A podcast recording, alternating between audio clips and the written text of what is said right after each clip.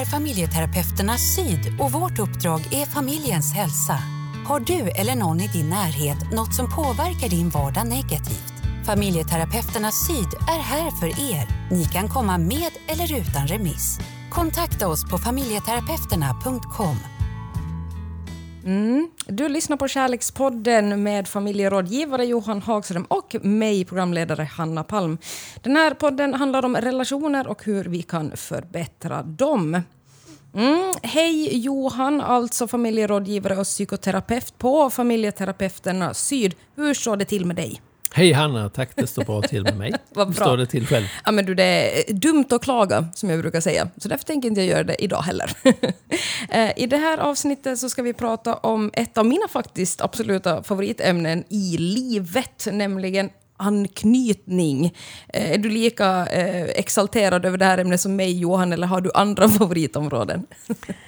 Det här tillhör ett av de spännande fälten. Jag tycker det är ett, eh, en bra eh, teori när man jobbar, som jag gör och mina kollegor med, med människor som kanske har problem just med att få till det i sina sociala relationer. Då är det en bra teori att utgå från.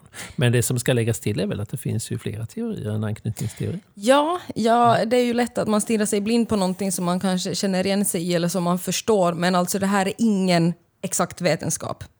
Nej, det är inte det. Den har ju, möter ju en hel del kritik. Eh, bland annat att den för ett så kallat cirkelresonemang. Alltså man, man pratar... men man gör någon slags eh, utvärdering då av en personlighetstyp eh, och säger att den kanske då har en otrygg anknytning och då leder det till detta beteendet och den här repertoaren i, i relationer och sådär. Och det brukar man betrakta som ett cirkelresonemang och det för väldigt sällan framåt. Mm. Eh, det som kanske ska vara det som kanske är alltid viktigt när man, kom, när man bygger upp teorier och skapar metoder, det är ju att man måste vara ganska så, så eh, ja, kanske liksom kategorisk eller liksom, ja, plocka ut eh, tydliga ramar så utgå ifrån.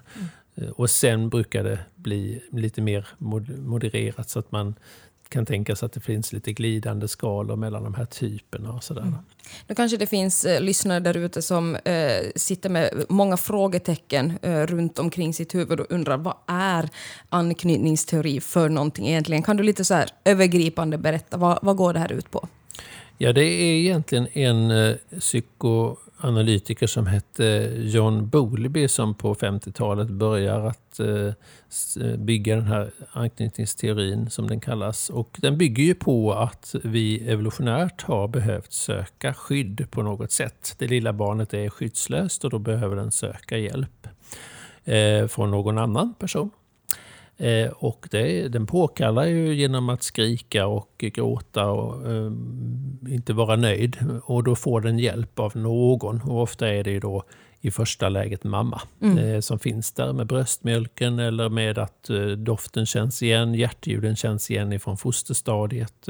Så där finns någonting bekant och då söker man sig till den. Det tänker man ju då i anknytningsteorin. Och sen vidgar barnet sin värld till andra och då är det ju ofta den andra föräldern, om det är pappa eller om det är en mamma också med kvinn och kvinnligt kön. Eh, eller två pappor. Eh, och sen bygger den vidare ytterligare till, till eh, eh, kanske då förskolepersonal och eh, kompisar sen. Och sen vidgas ju världen mer och mer. Men det låter som att den första tiden då är det viktigt att ha antingen en eller två, kanske primärt bara en, en, en person att knyta an till. Allra första tiden är en ju. Ja, det är så, så att eh, Ja. pappan kanske blir lite Pappan utanför. kommer ju lite senare in i bilden. Eh, Mamman är ju nummer ett och första året eller lite drygt. Och sen är det ju dags för pappan att bli eh, den som Mm. är väldigt viktig för barnet. Ja. Det här är ju en intressant, ja det här blir ett sidospår, men det är en intressant debatt om just det här med föräldraledighet. Att det, I Sverige så kanske man vill att det ska eh, delas 50-50 och att pappan ska vara mer involverad redan ifrån start. Men kanske man, ska man vara lite mer tillåtande mot att barnet behöver en primär förälder? Eh, nej, där kan man tänka så här att pappan och mamman kan dela på det här primära. Faktiskt. Eh, mamman brukar ju amma kanske de tre första månaderna. En del gör det längre, en del gör det kortare. Men låt oss säga att det är de tre första månaderna. Och sen kan ju pappan kliva in på scenen med flaskan då. Mm. Och ge barnet den här närheten och bygga upp också en, en buffert med hans eller den andra förälderns dofter och hjärtljud och hur den bär eh, mig, så att säga. Va? Hur den tar i mig då. Så att det, det, pappan kan absolut vara, vara, vara föräldraledig under första året. Det är toppen också, tänker jag, för pappans del. Mm. Knyta an till barnet. Mm. Det som händer vid ett och ett halvt, två års ålder är ju att barnet behöver lite mer än att amma och känna hjärtljud och jollra. eh, det är där pappan, man brukar tänka på att det är den föräldern som är lite mera eh, eh, aktiv och utåt och ska bära ut i, i den här eh, världen som finns utanför den här lilla bubblan som familjen har varit i under första tiden. Eh, är det här någonting som händer direkt barnet föd, föds till världen? Att den vill knyta an från första sekund när man ja, kommer ut? Ja, det menar Bowlby. Det är alltså evolutionärt så att vi behöver skydd. Så vi söker febrilt. Eh, så fort vi har tittat ut från, från mammas mage så, så söker vi hjälp att, att klara ut att, att överleva det som är väldigt farligt. Ju. Mm. Det är ju väldigt farligt för ett litet barn som är, precis nyfött. Det är ju hög risk för dödlighet. Mm. Så då slänger man upp ungen på mammas bröst och Yes. så hoppas man på det bästa. Det gör man. Och man är ju klok där som barnmorska.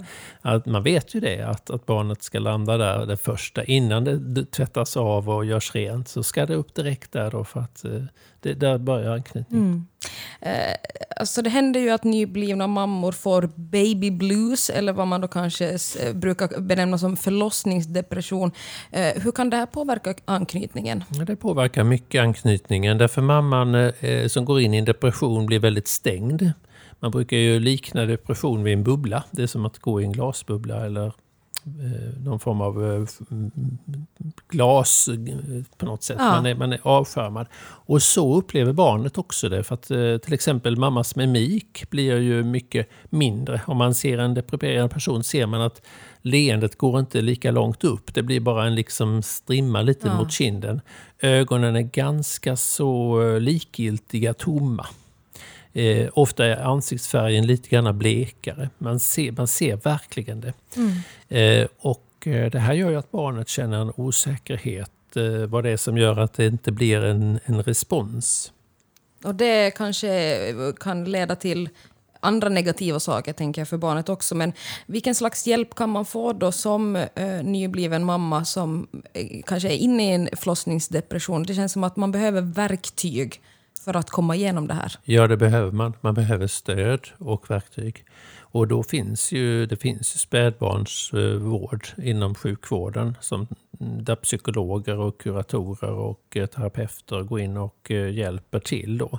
Att dels avlasta mamman från att, att bli alltför skuldtyngd över att, att mamman inte mår bra till exempel. Men också titta på samspelet och hjälpa barnet och mamman att, att knyta an, att börja hitta en lek som är möjlig för mamman att, att vara i, trots att hon är deprimerad. Så att där finns mycket och Victoriagården här i Malmö till exempel skulle jag ju vilja lyfta fram som exempel. Eh, vi måste också kanske få bort den här jäkla fördomen eller föreställningen om att så fort man har fått ut barnet så är det en love at first sight och det är det bästa som har hänt en och man översköljs av lyckokänslor. För som jag har förstått det så är det absolut ingenting man kan ta för givet. Nej, det kan man inte ta för givet. Det är lyckligt om de är där. Ja. eh, alltså, kan man skämma bort barn med uppmärksamhet och närhet? Det här är ju ett litet annat... Det är väl samma ämne, lite annan inriktning bara.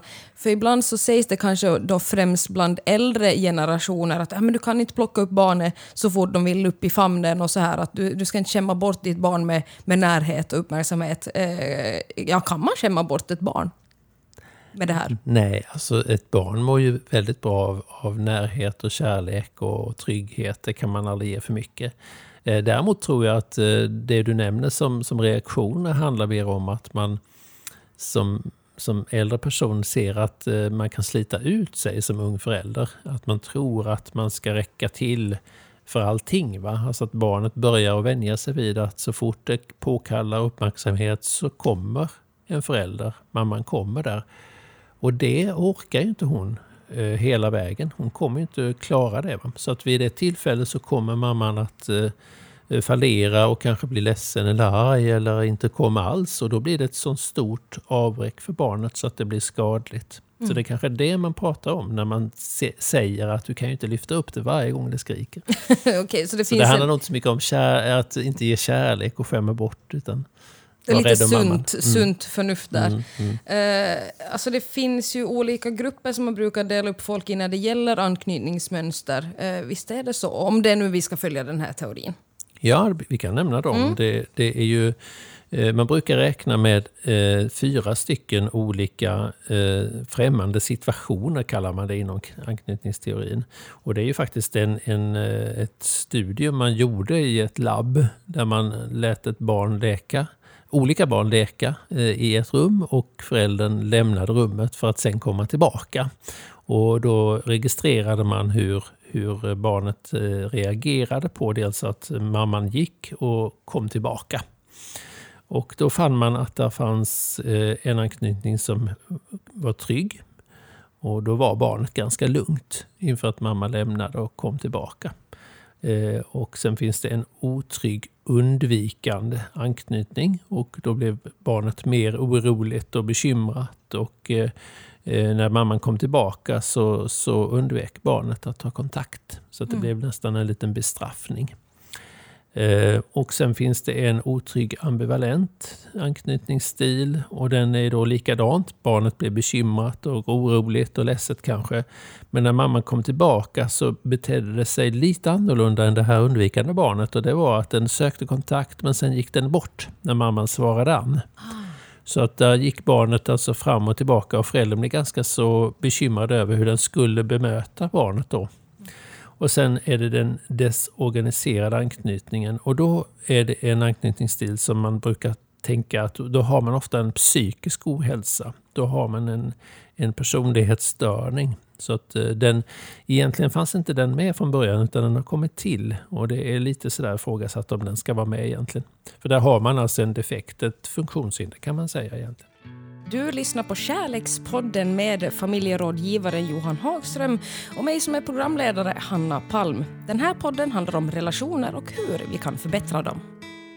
Ja, om allting går rätt till eh, så kommer ju barnet att knyta an utan problem eh, till sina föräldrar. Alltså, hur vet man att ja, men här har den här anknytningen gått bra till? Ja, det är ju när barnet känner sig väldigt eh, fritt i sitt samspel med föräldern och även föräldern själv.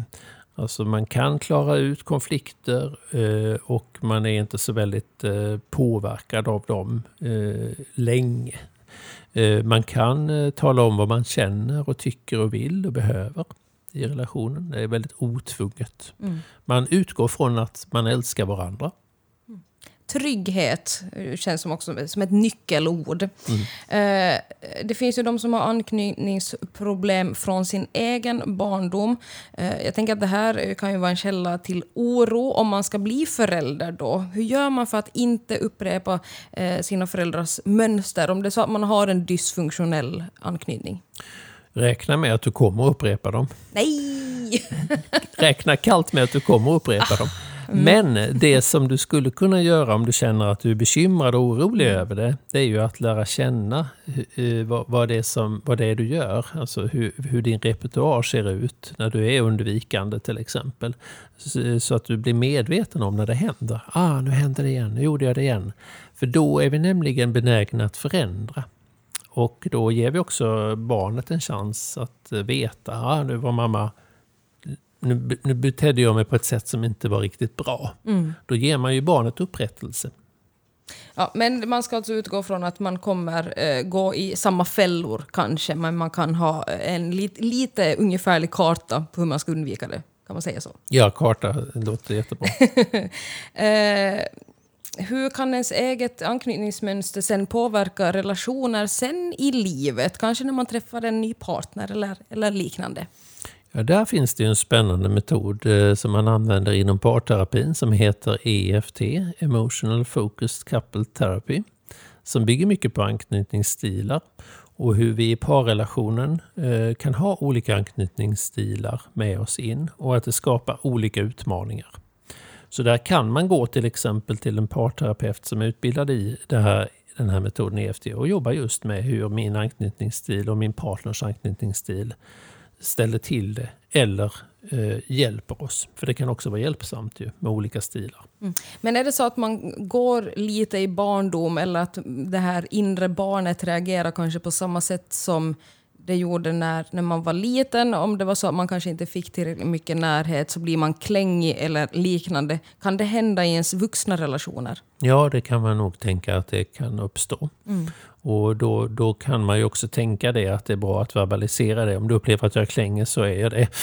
jag fick för lite när jag var liten. Eh, men säg till mig om det blir för mycket så ska jag försöka backa lite. Ja, mm. var ja, ärlig med hur man känner. Mm. Mm. mm. Jag tänker att mycket av vårt känsloliv och hur vi reagerar på människor omkring oss handlar om instinkter. Sånt vi har lärt oss som små. Eh, kan man rationalisera bort liksom felprogrammerade instinkter som man har? Till exempel om någon lämnar rummet eller någon går, då betyder det att den aldrig kommer tillbaka och då, blir jag, eh, då bryter jag ihop, om det är ens instinkt. Kan man, liksom, kan man fixa det på något sätt? Ja, jag är jobbigt optimistisk. Jag tror man kan förändra sådant. Um, det handlar ju om att, att uh, i KBT-terapi jobbar man ju mycket med att lära om. Att, att tänka att det var en gammal situation du var i när du reagerade så. Och nu reagerar du likadant, men det är en ny situation. Du, det, det, är irrationellt. Du, du behöver tänka mer rationellt. Du behöver tänka på att du behöver lära om här. Du behöver lära dig att reagera på ett annat sätt. Jag har inte lämnat dig. I terapin kan man jobba med det här att jag har inte lämnat jag sitter kvar. Men ändå är du jätterädd att jag ska lämna dig. Mm. Jag sitter kvar. Varje gång du kommer sitter jag kvar. Så, så utmanar man sin patient genom att prata på det sättet. Så där, det, där kan man jobba mycket, tror jag. Det är inte helt kört? Nej, det är inte helt kört. Du lyssnar på Kärlekspodden med familjerådgivaren Johan Hagström och mig som är programledare, Hanna Palm. Den här podden handlar om relationer och hur vi kan förbättra dem. Är det bäst att hitta någon som har samma anknytningsmönster eh, som man själv har för att få förhållandet att funka eller ska man hitta någon som inte är som eh, en själv? Till exempel om jag har den här lite mera eh, krävande jag säger klängingar nu, eh, det behöver inte vara så negativt, men är det bra då att jag hittar någon annan som är klängig tillbaka eller någon som är, är lite mer annorlunda än mig? Vad funkar bäst? Eh, ja, enligt forskningen så är ju lika... Lika, lika barn leka bäst. Lika barn leka bäst stämmer faktiskt enligt forskningen inom parterapi, parforskningen. Men, men sen är det ju så att vi väljer ofta inte det. Eh, därför att eh, eh, passion och åtrå bygger på olikhet. Det, det, det är lockande med det annorlunda. Vi, vi, är nyfikna på det som inte vi själva har eller det vi skulle vilja ha och någon annan har det. Och det, där väcks ofta också åtrå till liv. Ju eh, också längtan efter att kanske erövra eller kan jag erövra. Alltså det, det är en oerhörd eh, stark kraft i det.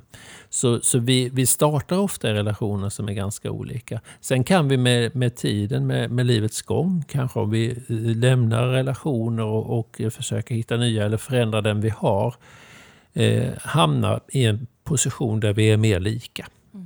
Eh, så det finns inte någon ny affärsidé att skaffa en, eller starta en dating-app där man kategoriserar in så här, du som hör till den här anknytningsgruppen, du kommer bara eh, få swipa på dem med samma i, i anknytningsmönster. Det finns ingen affärsidé det. Who knows? Who knows? det kanske vore värt att satsa och titta om det skulle ja. funka. Men jag vet inte om det skulle bli så mycket åtrå och passion då. Mm, just det, det var Utan det. i så fall, vi, vi, vi, ja, det är en bra matchning detta vi, vi sätter bo. Eh, det var ju lite mer så förr, alltså släkterna väl valde ut eh, vem som skulle vara bra för varandra. Och tittar man på förmögenhet, jordegendomar, eh, hur mycket konflikter man hade mellan, mellan sig och så. Va? Och valde ut då att det här är ett bra parti, ni ska gifta er och bilda familj. Mm. Så det här med Tinder, Tinder-datingen, det är absolut ingenting nytt att vi ska välja ut kriterier om exakt vilka vi ska vara ihop med. Funkar kanske sisådär. Eh, går det att fixa ett barn som fick en dålig anknytningsstart på livet? Ja, det menar Bolby att eh, det här är någonting som man kan jobba med hela sitt liv. Eh, vi knyter an hela tiden. Eh, varje möte så, så skapar vi någon form av social kodning hur vi ska förhålla oss gentemot den vi möter och är tillsammans med. Och då spelar det ingen roll om man lever i en parrelation eller om det är en affärsmässig relation eller, eller vänner emellan. Så vi socialt kodar av hur vi ska förhålla oss till varandra. Mm. Eh, om man som förälder är orolig att man inte klarar av att ge sitt barn en trygg anknytning, eh, vad kan man få för slags hjälp i så fall? Du var lite innan, in på det innan om det så att man har en förlossningsdepression. Då kan man söka hjälp. Finns det några andra vägar då om man känner att det är någonting som inte klickar här? Ja, en familjeterapeut är ju bra att söka upp, tänker jag. Att, att få jobba då med familjesystemet eh, så att man inte bara tittar på, på barnet som skulle vara avvikande utan att man tänker på, eh, gör vi någonting i familjen här som kanske skapar den här situationen? Eller är det så att mitt barn har ett problem här som den skulle behöva hjälp med via en psykolog eller, eller någon annan något annat eh, arbetssätt då, som, mm. som, passar. Då. Och många, många barn och ungdomar som, som får en diagnos i, inom det neuropsykologiska spektrat eh, får ju, får ju verktyg ofta KBT-inslag är det ju, där man, där man lär sig att hantera olika situationer och beteenden. Mm. Eh, ännu har vi inte stött på ett ämne eh, där det är helt kört och där man inte kan, kan få hjälp. Det här är ett av alla ämnen som visar på att äh, det kan lösa sig, gott folk. Eh, det var allt för det här avsnittet av Kärlekspodden med mig, Hanna Palm och Johan Hagström. Vi är tillbaka alldeles strax med ett nytt avsnitt. Tack så mycket Johan. Vi är familjeterapeuterna Syd och vårt uppdrag är familjens hälsa. Har du eller någon i din närhet något som påverkar din vardag negativt? Familjeterapeuterna Syd är här för er. Ni kan komma med eller utan remiss. Kontakta oss på familjeterapeuterna.com